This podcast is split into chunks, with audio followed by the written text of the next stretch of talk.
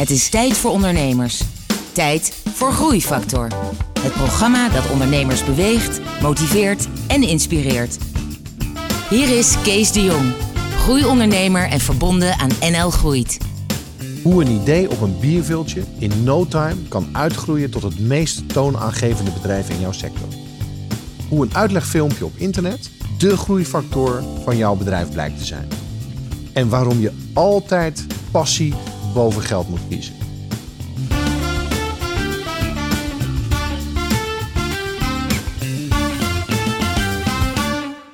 Hallo en welkom bij Groeifactor.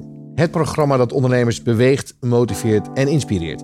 Met een openhartig gesprek met een inspirerende ondernemer. Vandaag is dat Bas Janssens van Great Communicators. Bas, welkom. Dankjewel. Allereerst mag je uitleggen aan de mensen wat Great Communicators nou precies is. Um, vanuit Great Communicators trainen, coachen en begeleiden wij mensen die moeten spreken om, uh, in het openbaar of die op grote podia staan of die presentaties moeten geven. Dus dat kunnen aan de ene kant mensen in de politiek zijn, mensen van reclamebureaus, maar ook mensen bij grote, grote bedrijven en instellingen. Um, uh, Bas, um, jij hebt voordat je Great Communicators uh, begon, en even voor, de, voor, voor het kader, je hebt, uh, jullie hebben een man of twintig in dienst. Je hebt een compagnon, Johnny Bijs. Ja, dat goed? Johnny Bijs. Ehm, een man of twintig, 15 trainers, en je hebt kantoor. Dus een, een van de vooraanstaande, zeg maar, trainingsbedrijven in, in Nederland. Toonaangevend te spreken en, en presenteren. Precies. Ja. Hoe um, hiervoor zat je bij een ander bedrijf? Of, vertel eens even, je kwam van school en toen? Um, ik heb een aantal jaren, heb ik, uh, ik ben eigenlijk 15 jaar headhunter geweest. Dus uh, heb ik mensen bemiddeld en heb ik uh, mensen in directiefuncties heb ik, heb ik geholpen aan nieuwe banen en, en voor organisaties heb ik gehunt naar de beste talenten voor hun, voor hun functies. Daar heb ik um, grofweg 1500, 2000 sollicitatiegesprekken gevoerd met mensen. Dus anderhalf uur met iemand gezeten, net zoals jij nu met mij zit. Met een paar vragen proberen om het hemd van iemand zijn lijf te krijgen. En echt te weten wat er speelt en wat er is. Van die 1500 gesprekken heb ik waanzinnig veel geleerd. Over wat mensen bewegen. Dus wat de reden zijn om een volgende stap te nemen. Dus dat is ja, heel veel van mijn kennis. die, die komt eigenlijk uit die 1500 gesprekken. Van mensen in allerlei uiteenlopende functies en vakgebieden. Mannen en vrouwen door elkaar.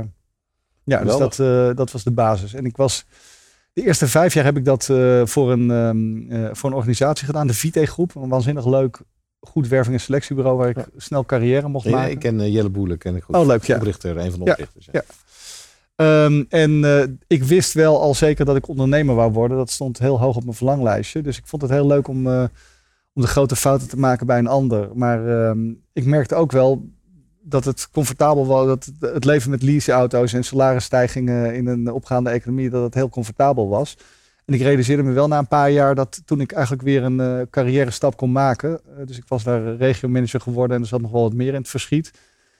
Um, toen realiseerde ik me wel dat ik ook als ik echt ondernemer wou worden, dat ik die stap moest, moest nemen. En dat ik, uh, dat ik ja, de comfort op moest zeggen om iets, iets veel spannenders te gaan ja. doen. Daar heb ik geen seconde over getwijfeld. Maar moeilijke stap, hè? Dat, dat is het, de gouden handboeien die je dan hebt. Ja, nou, ze waren, ze waren gelukkig nog niet helemaal verguld. okay.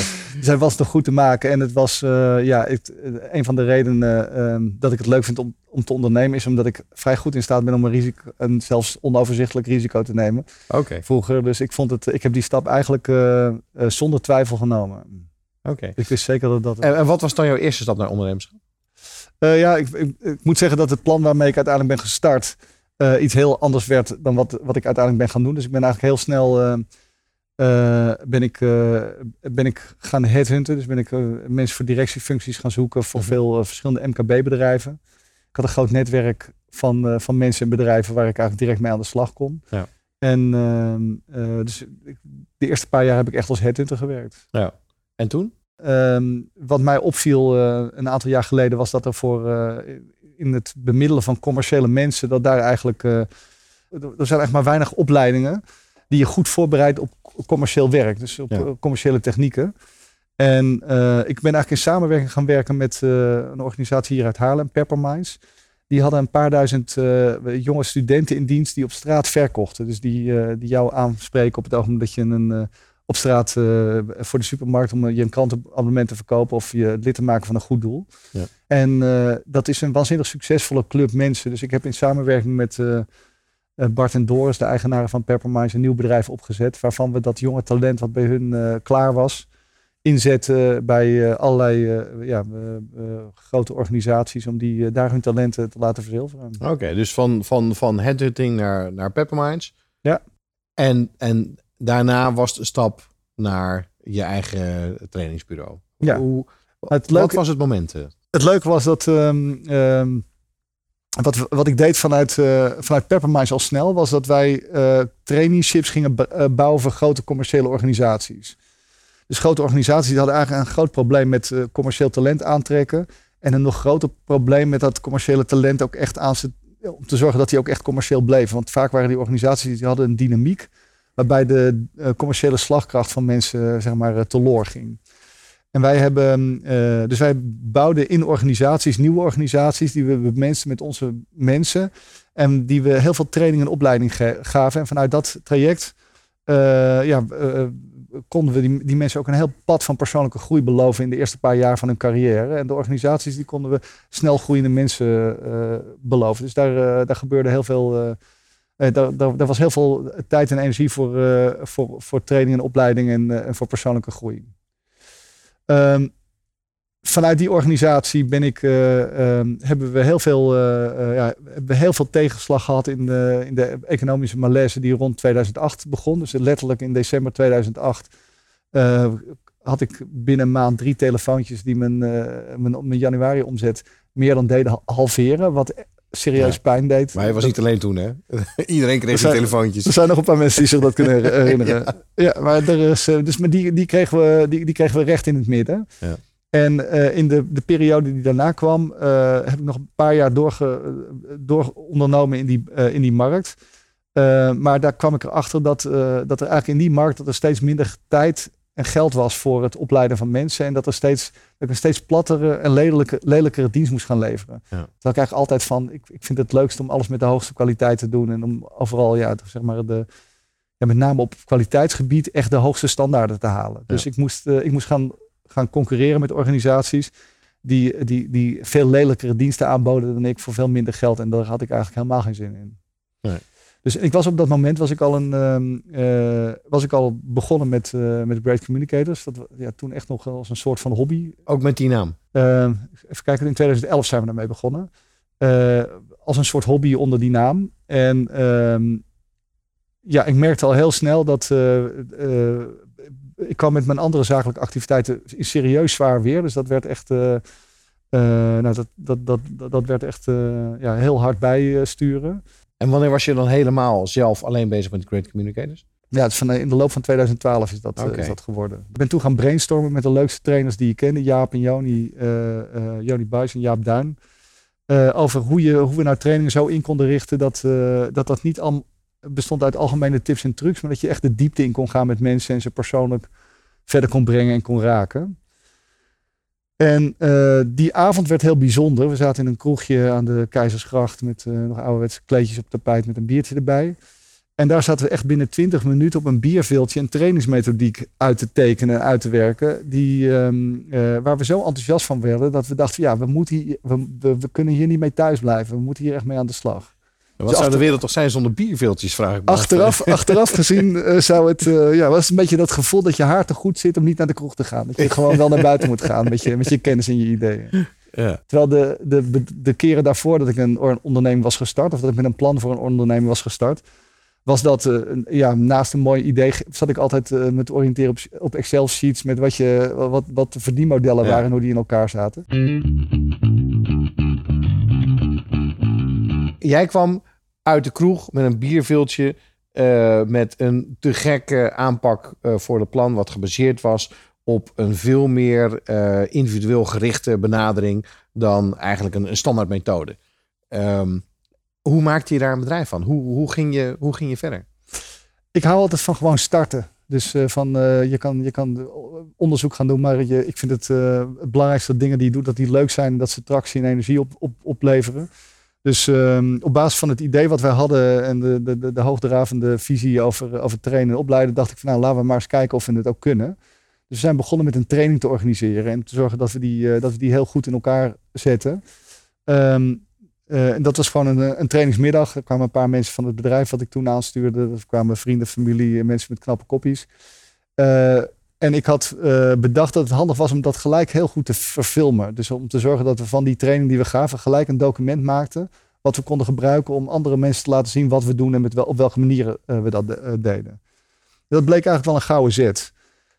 dus we hadden een, een, cameraman en een geluidsman bij die training aanwezig. De training zat goed in elkaar. Maar we zijn ook gewoon ruim van tevoren gestart om eerst beelden te schieten van mij, Joni en Jaap waarin we vertelden over onze visie, waarom we de dingen deden zoals we ze deden. En uh, uh, daarna zijn we die training gaan geven, hebben die verfilmd en dat hebben we helemaal door elkaar gemonteerd met een leuk muziekje eronder. En de rest is ges geschiedenis, zeggen ze dan. Ja. Oké, okay, maar dat filmpje was de eerste doorbraak. Ja. En wat was dan de tweede doorbraak met dat, met dat TEDx? Nou, wij hadden, uh, toen wij bij elkaar zaten in de kroeg op de Keizersgracht, toen, uh, toen, toen hadden we zitten dromen. En toen dachten we, wat is nou onze bierhack, ons grote harige doel? Uh, ja. wat, wat is nou hetgene wat we het liefst zouden willen bereiken? En toen dachten we, nou, op dat moment was het allercoolste wat er in Amsterdam gebeurde op het gebied van spreken en presenteren, was TEDx Amsterdam. Daar had je een, daar was een, ja, gewoon een seminar waar eigenlijk een hele nieuwe maatstaf voor presenteren en spreken voor een groep werd neergezet. En uh, ja, dat werd aan alle, aan alle kanten werd dat door bedrijven en organisaties opgepikt. Dus die deden fantastisch werk. Dus wij zaten met elkaar ja, naar elkaar te kijken. Dachten, als we nou toch die sprekers van TEDx, als we daarmee zouden mogen werken. Om te zorgen dat de hoogleraren en de, uh, de bestseller-auteurs die, daar, uh, die daar spreken. Die allemaal fantastische content hebben en fantastische ideeën. Maar niet allemaal de, ja, de great communicators zijn. Als we die nou eens zouden mogen helpen. Dat, dat, dat is onze droom. Mm. Ja, en dan hoe snel kan het gaan? Uh, na het geven van één training en het, uh, en het online zetten van één filmpje, kregen we heel veel tractie. Dus er begonnen mensen over ons te praten. Uh, er begonnen, mensen begonnen dat filmpje door te sturen. En op basis van, die, ja, op basis van dat filmpje werden we binnen, een week, nou, binnen, binnen drie, vier weken gebeld door Randstad Holding, Microsoft. Uh, allerlei echt hele grote partijen die met ons wouden praten, omdat ze over ons hadden horen praten in de markt. en de vierde partij die belde was TEDx Amsterdam. Die, oh, aangaf, die aangaf dat ze over ons hadden horen praten in de markt en dat ze graag met ons in contact wouden komen om in eerste instantie te kijken of we wat konden organiseren voor hun vrijwilligers. Want dat TEDx is een vooral vrijwilligersgedreven organisatie. Ja. Of we daar een, uh, ja, een programma voor konden maken om te zorgen dat we, die, uh, dat we die vrijwilligers iets konden vertellen over hoe je spreekt en presenteert in het openbaar. Omdat het natuurlijk de content is waar zij steeds mee bezig zijn. Ja.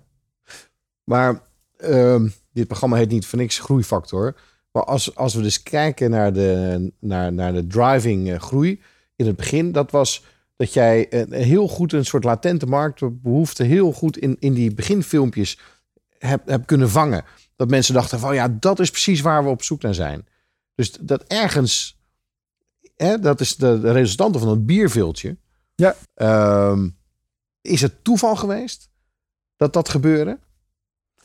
Um, de hoeveelheid tractie die je krijgt, is toeval. Dus daarin, dus daarin moet, dan moet je geluk en mazzel voor hebben. Ja. Ja. Het zijn wel altijd mensen die geluk en mazzel hebben. Dat zijn wel vaak mensen met een heel goed idee. En wij, waren, wij hadden op dat moment hadden we, hadden we een idee en een, en een visie dat die heel goed aansloot bij datgene wat er uh, op dat moment in de markt gebeurde. Ja. Dus het was ook echt een moment waarop ik, uh, ja, waarop er voor ons geen ommekeer meer was. Dat we, dat we met, die, met, die, met die materie aan de slag wouden en dat Ja. onze vingers jeukten. Terwijl we relatief nog niet zo heel veel afwisten van trainen en van, uh, van, van, van coachen en begeleiden van mensen. Dus Ja. we hadden daar allemaal op onze eigen manier wat, wat ervaring mee. Ik als ondernemer, Joni en Jaap als trainer. Maar um, ja, dat was nog sumier. Vergeleken, dus onze visie uh, reek veel verder dan onze praktische kennis op het, Ja. op het onderwerp. Maar uiteindelijk met Microsoft, Randstad en TEDx, daar, daarmee kon je serieus je bedrijf gaan starten. Daarmee waren wij airborne, ja. Ja. Dus daarmee konden wij, uh, daarmee waren wij niet alleen een, uh, ja, die, die gasten van het mooie filmpje, Ja. maar waren we ook een, een partij met con- concrete klanten die, die con- concrete programma's konden gaan uitwerken en daarmee Ja. aan de slag konden gaan. Dus daarmee begon de omzet al op, eh, op, op gang te komen. Maar toch... Nou ja, ehm, dat je, je, je zegt daar iets, daarmee begon de omzet al op gang te komen. of niet? Eh, trainen en opleiden is geen vakgebied waar je in start eh, omdat, je, omdat je rijk wil worden of omdat je, heel, dat je qua omzet heel snel wil groeien. Daarvoor is het een veel te. Ja, een, een, een, zijn producten die met heel veel liefde en aandacht gemaakt worden en die gewoon veel tijd en energie kosten. Ja. Dus als ik, als ik had gedaan wat ik, eh, wat, als ik op, op dat moment had gefocust op geld verdienen of op de spreadsheets waar ik daarvoor graag veel naar had keek, had ik een heel ander plan getrokken. Maar dit, Ja. was, eh, ja, dit was hetgene wat, wat ons het meeste energie gaf. En de, ja, de materie waar we, ja, waar we gewoon niet van af konden blijven. Omdat we hem te leuk en te interessant vonden. Ja. Ook een beetje een wereldverbeteraar eh, dan. Andere mensen helpen en... Nou ja, wij, wij vinden echt serieus dat er niets mooiers en leukers is. Dan andere mensen te leren wat je nodig hebt om in je volle kracht en je volle glorie voor een groep te kunnen staan. En jezelf te durven laten zien en jezelf te durven laten horen. Ja. En we komen erachter, we hebben inmiddels mogen werken met eh, sprekers die eh, tienduizenden euro's per eh, spreekbeurt krijgen. Of die de hele internationale pers toespreken. Daarbij zien we dezelfde zenuw als die we zien bij hele onervaren mensen. Ehm, en ook bij die mensen komen we allerlei overtuigingen en ideeën tegen. Die maken dat ze minder goed presenteren, of, eh, presteren dan wat ze zouden kunnen. En wij vinden het een waanzinnige kick en waanzinnig mooi om, eh, ja, om mensen datgene, ja, om datgene weg te nemen. Wat mensen blokkeert om het, af, het maximale en het, eh, het beste uit zichzelf te halen. je bedrijf was gestart, je eerste jaar mooie klanten. eh, de, uiteindelijk eh, de, de omzet eh, groeide. Ja. Je moet mensen in dienst nemen. Eh, wat zie je als, ehm, als belangrijkste groeifase? Wat, wat heeft, want dat is in 2012 begonnen, het is nu 2017. Ja. Welke periode zie je als je belangrijkste groeifase? Ehm, ja, die vraag is, veel, eh, die, is- die is eh, eigenlijk moeilijk te beantwoorden, omdat onze groei heel gematigd en heel geleidelijk is gegaan. Dus procentueel gezien is die gewoon per jaar is die, eh, is die, eh, ongeveer gelijk. Oké. Ehm, dat komt omdat wij vanaf het begin af aan heel erg hebben gefocust op groei en kwaliteit. Dus wij, wouden, wij willen dat mensen ja, onwaarschijnlijk enthousiast de deur uitlopen als ze weggaan, omdat we ja, eh, in de markt waarin wij zitten eh, geldt net zoals in alle andere eh, markten een goede naam die komt te voet en die gaat te paard. Dus wij moeten zorgen dat we qua kwaliteit, dat we daar de, dat we daar de oorlog winnen. En onze groei die, die hobbelt daar achteraan. Ehm, wat voor ons wel ja, heel belangrijk was, was keuzes maken in wat je aanbiedt. en wij deden, wij deden in-house programma's bij bedrijven. Eh, we doen persoonlijke coaching. En we doen eh, een opleiding die we spreken met impact hebben genoemd. En eh, de keuze daarin tussen die producten en wat we daarin aanboden, boden, die, was heel, die is heel belangrijk geweest voor hoe we groeien en op welke manier we groeien. En je ziet dat we daarin in het begin eigenlijk heel gelijk opgingen met die producten. Dus we deden net zoveel in-house presentatietrainingen als in omzet. Als dat we persoonlijke coaching van mensen die veel moesten spreken op podia deden. Als dat we eh, met onze eigen opleiding spreken met impact eh, qua omzet draaiden. En we zien dat we nu, ehm, eh, wat voor ons heel belangrijk geweest is daarin, is om ja, tussen die producten te gaan kiezen wat we, ja, wat we daar het, ja, wat, wat, wat daar het, de meeste groei op kan gaan leveren. In En? eerste instantie was dat om eh, veel in-house programma's te gaan draaien. Want er is eigenlijk als trainingsbureau niks zo makkelijk dan een organisatie op te bellen en te vragen: mag ik jouw mensen trainen? Als, als je dat enthousiast en op een leuke manier doet met een goed verhaal, dan zeggen ze ja en dan kan je vervolgens aan de bak bij die organisatie. En dan heb je een zaal vol mensen die vol aandacht eh, naar je gaan luisteren en die een goede prijs betalen voor je, voor je dienst. Maar onze echte groei heeft erin gezeten om te zorgen dat we, die, eh, dat we ondertussen onze eigen opleiding hebben, eh, ja, zijn blijven nurturen. En de eerste paar jaar draaiden we daar gewoon twee keer per jaar één opleidingslichting mee. En eh, eh, ja, het heel belangrijk onderdeel is geweest dat we het afgelopen jaar dat, dat we die inmiddels nu tien keer per jaar st- starten. En daar met een hele onstuimige groei zitten. En Dus dat is presenteren met impact. spreken met impact. Spreken met opleiding, Ja. En dat zie je ook vaak, hè? Bedrijven die dan echt hard doorgroeien. Die dan inderdaad kiezen voor datgene wat goed schaalbaar is. Maar de echte bedrijven, die doen die andere dingen dan niet meer. Om ervoor te zorgen dat ze volledig inderdaad alle aandacht kunnen focussen op het, op het, op het schalen van, van dat waar ze uniek in zijn. En waar ze het meest gepassioneerd over zijn. Nou, ik denk dat wij, eh, ik, ik snap heel goed wat je, eh, wat je bedoelt. En ik, eh, ik onderneem al een tijdje, dus ik kan me goed voorstellen bij kiezen wat je wel doet en wat je niet doet. Eh, en eh, in ons geval is het gaat met name om te kiezen voor de manier waarop we dingen doen. Dus wij willen arena's wij willen in arenas komen waar we kunnen winnen met de mensen waarmee we werken. Want wij willen grote resultaten hebben. Ja. Dus als wij grote stappen kunnen maken, mogen maken met mensen, waarin ze eh, ja, zich helemaal durven te laten zien en te durven laten horen en daar heel veel impact mee kunnen maken, dan pakken we de klus aan. En daarvoor eh, is onze eigen opleiding is het, eh, is een van de sterkste e- eh, elementen gebleken waar die schaalbaar is, dus die we graag doen. Maar ondertussen hebben we naam en faam gemaakt met het doen van persoonlijke coaching, waarbij we ja, door onze contacten met de TEDx Amsterdam al snel met hoogleraren en mensen uit de politiek om tafel zaten. En ik moet daarbij ook zeggen dat het, nou, dat, dat het een soort van idee is dat je mensen naar een training stuurt die ergens niet, niks van kunnen. Wij geloven daar heel anders in. Wij geloven dat het veel meer in- eh, impact maakt om mensen die toch al een 8 halen eh, op te lijnen om daar een 9,5 van te Ja. maken, dan om per se van je zesjes, zevende, zevens te gaan maken. Dus wij vinden het met name heel leuk om met die, eh, met die zwaargewichten te mogen werken. Maar bijvoorbeeld een traject waar we ontzettend veel plezier in hebben gehad, is ook Michaela de Prins, een bekende ballerina van het, van het Nationaal Ballet. Die met een, met een van de meest waanzinnige persoonlijke verhalen die je kan voorstellen. Zij eh, komt uit Sierra Leone, is daar uit in een weeshuis. Heeft ze ooit een plaatje van een ballerina gevonden. En eh, terwijl zij in dat weeshuis eh, nou, gewoon echt voor nou, zo slecht opgroeide als een, als een mens maar kan starten in zijn leven. Terwijl de hele familie vermoord was en voor haar ogen. En haar hele enige houvast in haar leven is gebleven. Dat ene plaatje van die ballerina die, ze, die, ze, die ze op de lijf bij zich droeg. Die dame is ehm, een jaar of zes later geadopteerd door een Amer- Amerikaanse vrouw. Mee naar Amerika gegaan, is daar balletlessen gaan volgen. En die danst nu bij het Nationaal Ballet, een van de vijf meest toonaangevende eh, gezelschappen van de wereld. Wauw. Dus eh, om, om En mee die te- hebben jullie getraind. die om, hebben wij eh, haar geholpen om, die, om, om, om dat fantastische verhaal wat ze heeft Ja. binnen dat TEDx-format op een goede manier neer te mogen zetten. Geweldig. Groeifactor is een initiatief van MKB Brandstof. Ga naar mkbbrandstof.nl voor nog meer openhartige verhalen van inspirerende ondernemers. Groeifactor inspireert ondernemers. Was waar we als andere ondernemers ook in geïnteresseerd zijn, is welke tegenslagen je hebt gehad en hoe je die hebt overwonnen en wat wij daarvan van, van kunnen leren. Mhm. Kan je daar iets over vertellen? Eh, dat kan ik zeker. Eh, een, van de belangrijkste, ja, een van de belangrijkste tegenslagen die ik heb moeten overwinnen was eigenlijk, eh, het speelt niet zo, zozeer binnen mijn bedrijf Great Communicators, maar wel op het punt dat ik dat net opstartte. We zaten toen ja, in de marktomstandigheden tussen 2008 en 2012. Nou, we kennen ze allemaal nog van Ja. dichtbij. Hard werken. Hard werken, weinig Ja. verdienen. En ja, in mijn geval met, met, met een bijzonder grote persoonlijke financiële schade. Ehm, dat maakte dat ik eh, dat de laatste onderneming waar ik verantwoordelijk voor was, dat die eigenlijk eh, ja, eh, dat, dat, dat, dat die failliet is gegaan. In een periode dat ik, al, dat ik net gestart was met Great Communicators.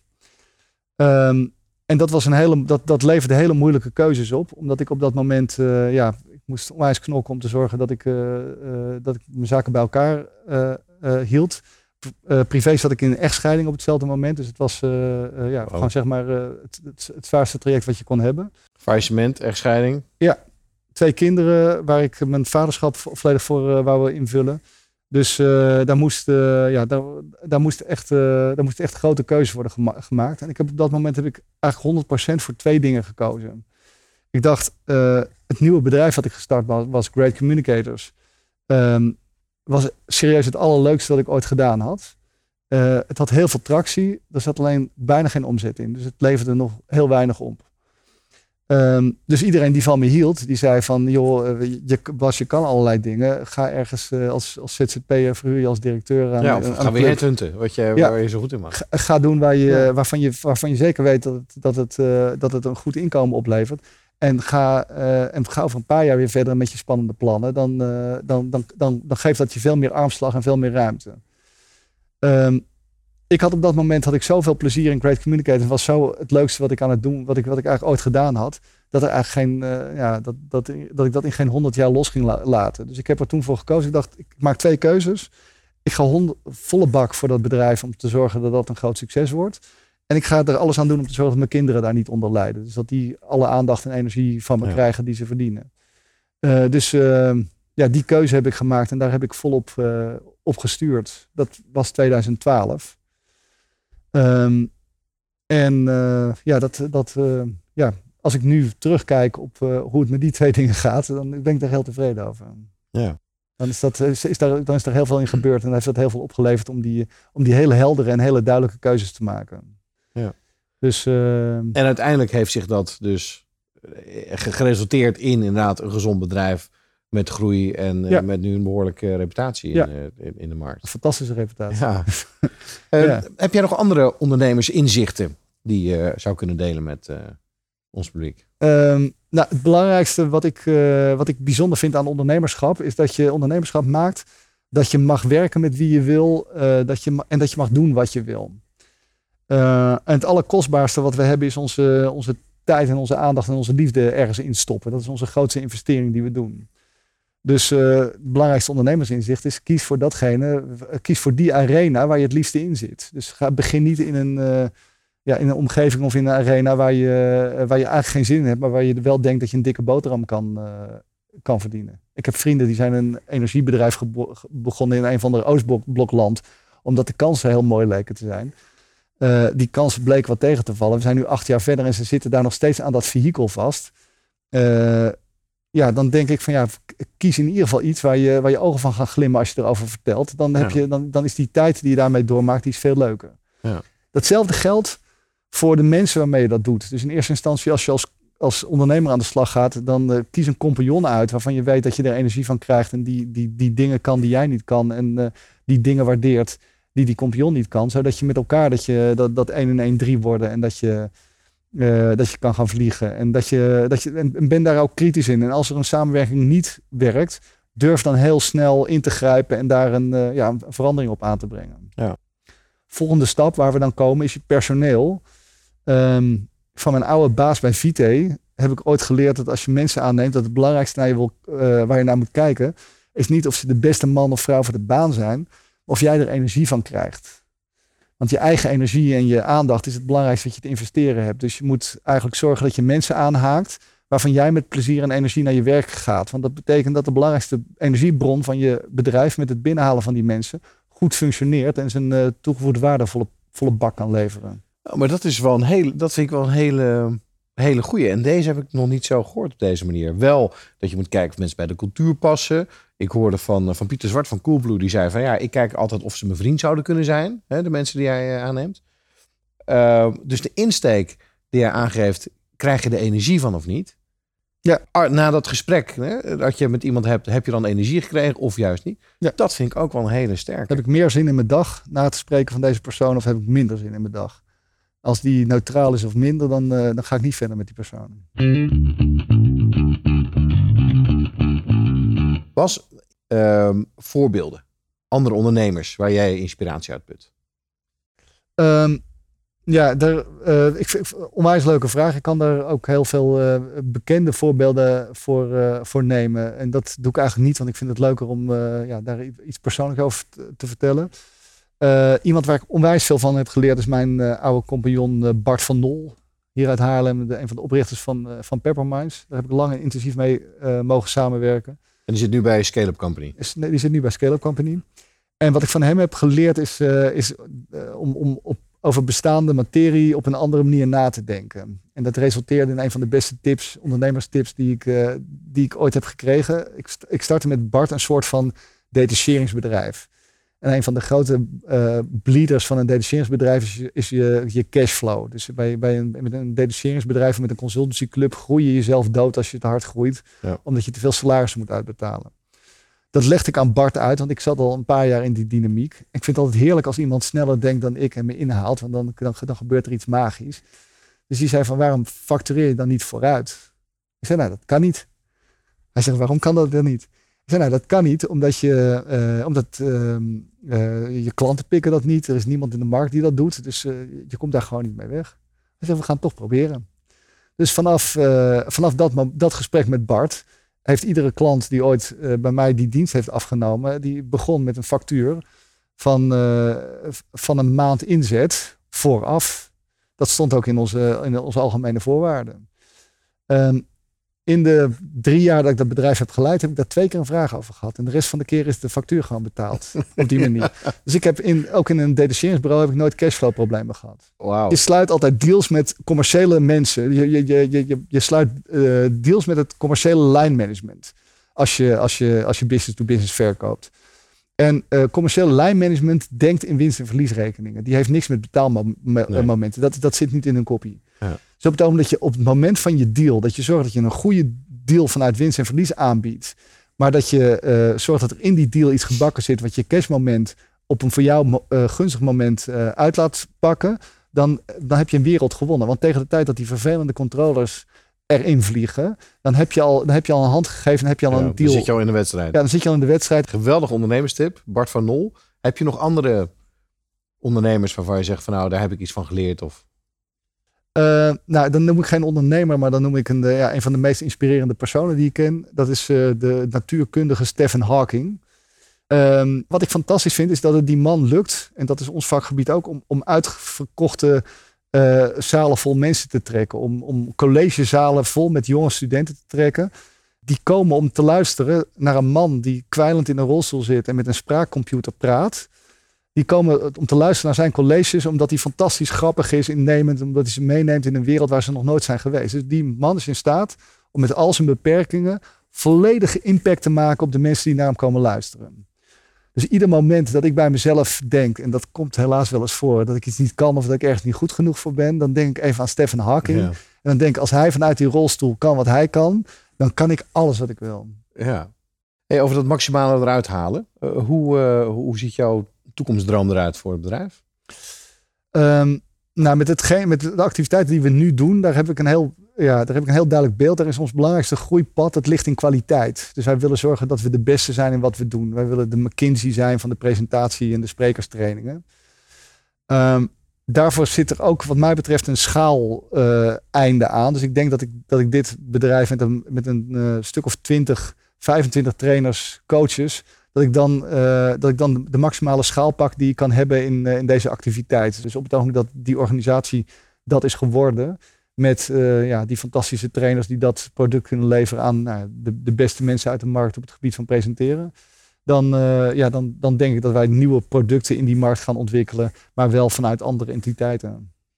Dus de bedrijven ernaast die je, die je zou ontwikkelen. Ja. En dan ook op het gebied van training of, of misschien wel ander soort. Uh, nou, ik, ik, ik, uh, ik wil, ik, uh, ik, sterker nog, zelfs op het gebied van presentatietraining zie ik nog heel veel mogelijk. Dus ik zou eigenlijk willen dat wij programma's hebben. Um, wij zien dat mensen enorm opknappen van als je ze leert communiceren vanuit hun eigen kracht. En er zijn heel veel methodieken om dat te doen. En ik, we zijn eigenlijk nu al bezig met ook een online traject waarmee je mensen kan leren om zich voor te bereiden op presentaties of om, om hun persoonlijke presentatie te verbeteren. Ja. Uh, en uh, er zijn allerlei redenen waarom dat soort online programma's nog niet heel veel tractie krijgen. Maar ik denk dat met name in combinatie met persoonlijke live coaching. We zijn al heel goed in mensen in Amerika uh, via Skype coachen voor een conferentie die ze ergens moeten doen. Dus ik denk dat de combinatie van die twee zaken dat die een ja, heel, mooi nieuw product gaat opleveren. Um, we zijn een beetje aan het einde van het, van het interview gekomen. Um, dan, dan, vragen we meestal nog naar een soort van laatste tip. Maar ik ben me er wel van bewust dat je er al heel veel hebt gegeven. Um, dus ik, ik, wil je niet nog meer uitmelken. Maar als je nog iets hebt waarvan je denkt van nou, als andere ondernemers dit luisteren, ze zitten in de auto of zitten nog s'avonds te werken en dan heb ik nog iets. Ja, die wordt heel algemeen. Uh, ik zou zeggen, geniet van je onderneming, geniet van het leven. Werk niet te hard probeer te zorgen dat, dat, uh, ja, dat, dat die onderneming je faciliteert om het mooiste avontuur te beleven wat je, wat je hier kan beleven. Ja, ja, en daar ben je dan zelf verantwoordelijk voor. Want dat vond ik een van jouw mooiste dingen. Uh, kies mensen om je heen waar je energie van krijgt. En kies dat je iets doet waar je energie van krijgt. En zie het niet per se als een vehikel om veel geld te verdienen. Of om, weet je, waar je uiteindelijk in vast komt te zitten. Dus, dus dat genieten, dat, dat linkt daar ook weer aan vast. Ja, dus zorg dat je, dat je, dat je met je bedrijf een avontuur creëert wat, wat geen ander had kunnen creëren en wat geen ander had kunnen beleven. En dat, ja. Uh, ja daarmee schep je je eigen wereld. Ja. Nou uh, Bas, uh, dankjewel. Dankjewel. En voor de luisteraars voor nu nog een fijne dag en graag tot de volgende keer voor een nieuwe aflevering van Groeifactor. Ga naar mkbbrandstof.nl voor nog meer inspirerende verhalen van mede-ondernemers. Groeifactor beweegt ondernemers.